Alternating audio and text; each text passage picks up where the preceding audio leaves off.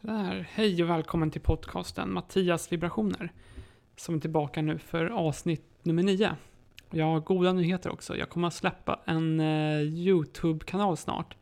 Eh, som kommer att ha mer fokus på eh, konspirationer. För hittills har det varit ganska mycket eh, samhälle här i podcasten.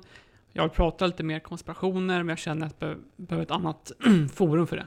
Så jag tror en YouTube-kanal blir bra. Det kommer komma lite korta videoklipp eh, någon gång i veckan där. Så det är bara att hålla utkik. Men dagens avsnitt kommer att handla om eh, eh, stresscirkeln, som jag har valt att kalla det.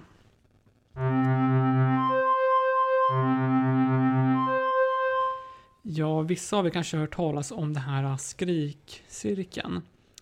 Eh, vilket innebär att eh, någon eh, eh man skriker på en person och sen går den och skriker på nästa person helt obefogat. Typ att någon Eh, har, sin, har sin fru som skriker på honom på morgonen. Då går han till jobbet och skriker på någon utan anledning. Då går den personen på lunch och skriker på någon servitris utan anledning. Och eh, det här har även testats i verkligheten och eh, man håller upp dörren till folk.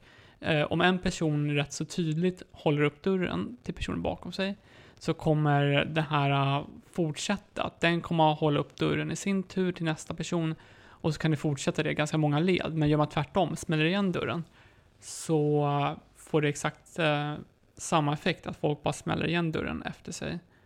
Och eh, den här stresscirkeln, som jag kallar det, är rätt, rätt så lik den här skrikcirkeln.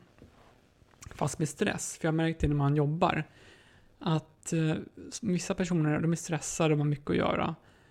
Och då har de inte de tid att hjälpa och de har inte tid att prata. Och de skjuter också ifrån sig uppgifter och blir rätt sura när inte folk sköter sig. Och det skapar ju stress eh, hos alla andra. Till exempel eh, tänka mig att en person som har otroligt mycket att göra så har de en transportör som inte sköter sig. Då går de och skriker på transportören just för att de får mer att göra Eh, men de tänker inte på den personen kanske också blir sur och går och skriker på en annan, kanske på lastbilschauffören som sitter på kontoret där. Eh, och det är min teori kring stress, stresscirkeln. Jag eh, känner samma sak nu när jag försöker sätta, in mig, sätta mig in i ett nytt jobb.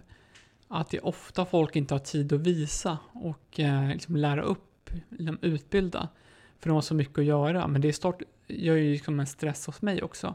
För jag har inte tid att, eller jag har inte kunskapen att göra vissa saker som kanske mitt jobb kräver. Och så har jag ingen tid att visa mig. Då blir jag stressad och då mitt eh, arbeta ännu sämre. För man lär sig ju sämre under stress och, eh, och om man inte lär någon tillräckligt så blir sakerna fel. Då blir det någon annan som ställer upp sen och då blir den personen sur för att den får mycket mer att göra. Så ja, jag tror ni har förstått vad jag menar. Men gå ut och eh, var inte stressad och sura. Utan försök att ta tid för saker och låt inte egen stress gå ut över andra så kanske vi kan bryta den här cirkeln. För det är trots allt eh, vi allihopa som jobbar på företagen som gör klimatet. Jag tror det blir ett kort avsnitt idag. Eh, för att eh, snart kommer den här YouTube-serien och jag skulle vilja ha lite mer tid för den här podcasten och det kommer jag skapa eh, men YouTube eh, en kommer upp nu i veckan. Och glöm inte att följa mig på Instagram också och se vad jag gör på dagarna här i Polen. Men ha det bra tills dess och var inte så stressade.